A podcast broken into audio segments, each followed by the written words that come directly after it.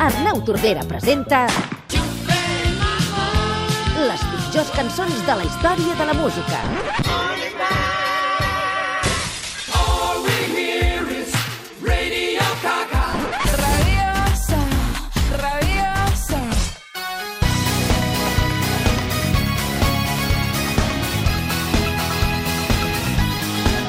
Capítol final de les pitjors cançons de la història de la música. En conseqüència, capítol final de l'Arnau Tordera en aquest eh, programa. Una tragèdia, una tragèdia per l'humanitat. Hi ha gent... Mira, saps el dia que va plegar el Bassas? Que fora hi havia... On sou? Cua al carrer aplaudint, gent plorant, taxistes que van aturar el cotxe al mig de la Diagonal. Avui està passant una cosa semblant amb tu. Sí, sí, no, en sentia una remolla. Passa que encara és mes d'agost i està com... estan soterrats. Quines penques. No, però hi són, hi són, hi són. Hi són, M'esperen hi són. aquí per Se acomiadar-lo. senten de fons, eh? Se senten. Arnau, Arnau, pancartes. Sí, Hi ha sí, pancartes a fora. Al llarg d'aquest estiu, de fet, per segon estiu consecutiu, amb l'Arnau Tordera hem repassat les pitjors cançons de la història de la música i hem demanat ajuda als oients. Si voleu compartir les pitjors cançons de la història de la música, escriviu-nos a suplement arroba catradio.cat facebook.com barra el suplement i twitter.com barra el suplement. Les pitjors cançons de la història de la música. És curiós perquè al llarg de l'estiu hem rebut una munió de correus eh, fent les suggerències de pertany en aquesta llista de pitjors cançons. Eh, recopilatori curt, eh? Polis, Amics de Arts, Charango, Reggaeton... Però tu no has tirat per aquí, tu has fet la teva.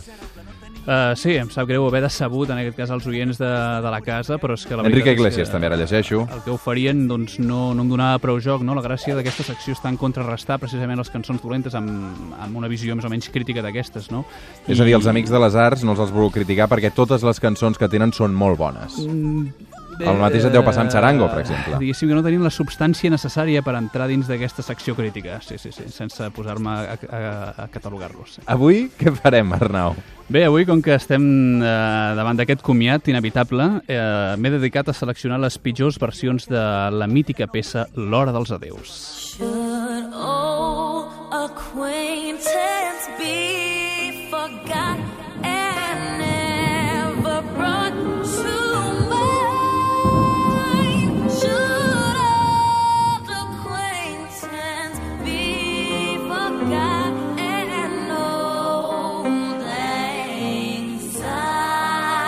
Maria Carey, o Mariah Carey, no sé com li hem de dir, on és el problema?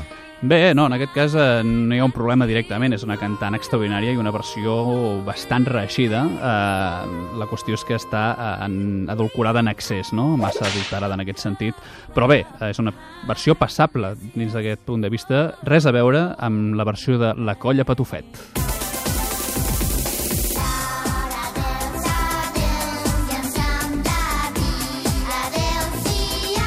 Clar, a mi m'inquieta les cançons que portes, però m'inquieta més com hi arribes, no?, fins aquí. És a dir, Bé, no vulguis ni tan sols sospitar quines llistes de reproducció eh, em suggereix el meu Spotify a hores d'ara. És a dir, he arribat a caminar per camins tan tortuosos que no sé fins on he arribat, la veritat. qui són la colla Patufet? Bé, doncs, eh, la colla Patufet segurament són eh, el grup, eh, conjunt musical amb el pitjor nom possible de la història de la música i van, van fer aquesta versió d'aquesta mítica peça tradicional escocesa en la qual doncs, a mi em sorprèn especialment la, la dels nens, no? Tenen un greu problema per, per reproduir certs fonemes. Mhm. Escoltem-ho.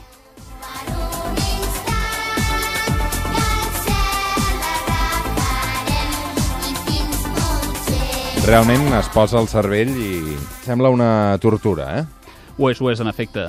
Però també ho és el, la següent versió, una mescla absolutament nefasta eh, d'un grup anomenat Salsa, Salsa Cèltica.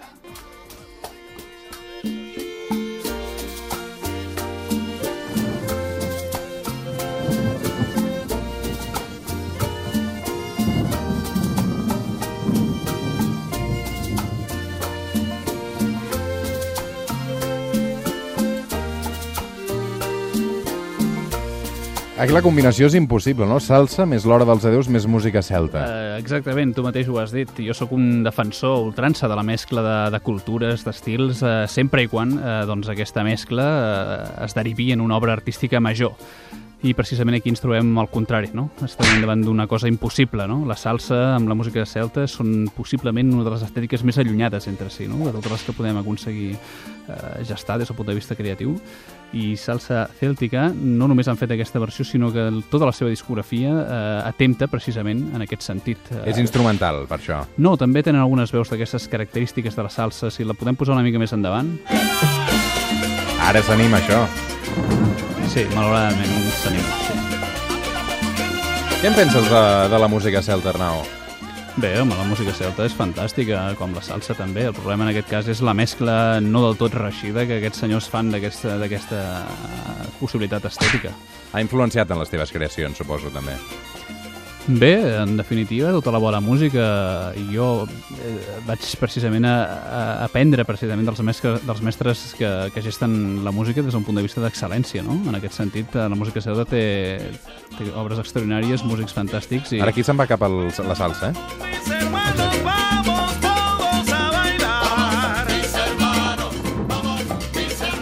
Bé, sí, sí. Salsa o celta? Aquesta és la qüestió. Aquesta és la qüestió, amic Tordera. Bé, saltem a la següent versió, també molt desafortunada, d'uns clàssics.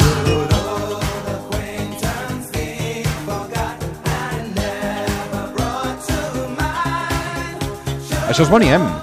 Això és Bonnie M, sí, sí, en efecte, en efecte, sí, sí, sí, sí exactament, Roger. Aquesta és la seva versió de l'Hora dels Adeus. De fet, jo crec que aquesta cançó a alguns països anglosaxons la utilitzen el dia de cap d'any, no?, per acomiadar l'any i donar la benvinguda a l'any nou. És que la peça, el seu origen, té aquest element cerimonial com transcendent fins i tot i, i religiós també, no? Té aquest contingut, el que passa que en l'àmbit català doncs, ha acabat fent més fortuna dins dels grups d'escoltes i esplais que no pas en aquesta tasca més cerimoniosa, no? diguéssim. Mm -hmm. uh, Tu què escoltes les nits de cap d'any, Arnau? jo no escolto res. Tanques a casa? No, no, no, no celebro... O mires aquell programa de TV3 que fan a vegades? No, no, no celebro aquest tipus de festivitats. No. Ah, no? I quines eh, festivitats celebres tu, Arnau? Cap ni una. Cap ni una, ni el dia No. del teu aniversari. Aquesta festivitat em sembla ets testimoni de Jehovà o... No, No, no. Ho dic perquè tampoc celebren festivitats. No, no, no, en cap cas, en cap cas. No, no, no sóc devot de cap religió, en absolut. Si la República Catalana va endavant, així com el dia de la Hispanitat, el 12 d'octubre, potser es deixa de celebrar, Esperem que la república, en aquest cas, no vagi endavant, però que la monarquia, la futura monarquia catalana, eh, amb el tir Arnau Tordera primer, celebri el seu dia del regnat el 19 de març. ara sí que és moment de dir adéu-siau, sisplau.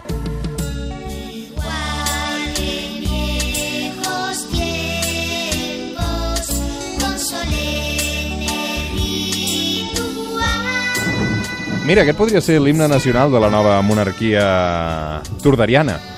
Esperaré fer una proposta diferent aquesta. En tot cas, sí que ens quedem, fins que no la tingui, podem, podem utilitzar aquesta peça.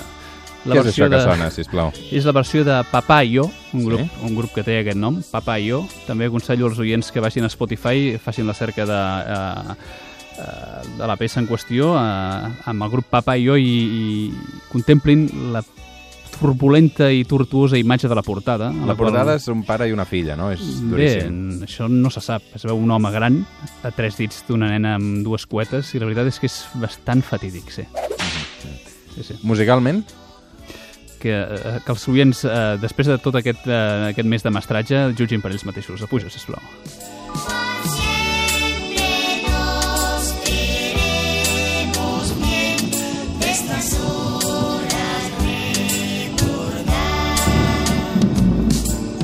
Això ha donat de sí durant tot aquest estiu amb l'Arnau Tordera repassant les pitjors cançons de la història de la música. Per sort o per desgràcia dels oients, hem d'anunciar hores d'ara que l'Arnau Tordera ens continuarà acompanyant al matí de Catalunya Ràdio dels festius intersetmanals. Ens retrobarem el 12 d'octubre a l'antena de Catalunya Ràdio. Arnau, moltes gràcies per haver-nos acompanyat aquest estiu. Un plaer. Hem ferit algunes sensibilitats que... No, des d'aquí una forta abraçada a tots aquells que s'hagin sentit ofesos i una forta abraçada també a aquells que s'hagin sentit eh, enaltits des del punt de vista de la meva paraula perquè també és una cosa a tema. Gràcies, Arnau, que tinguis un bon estiu. Fins ara. siempre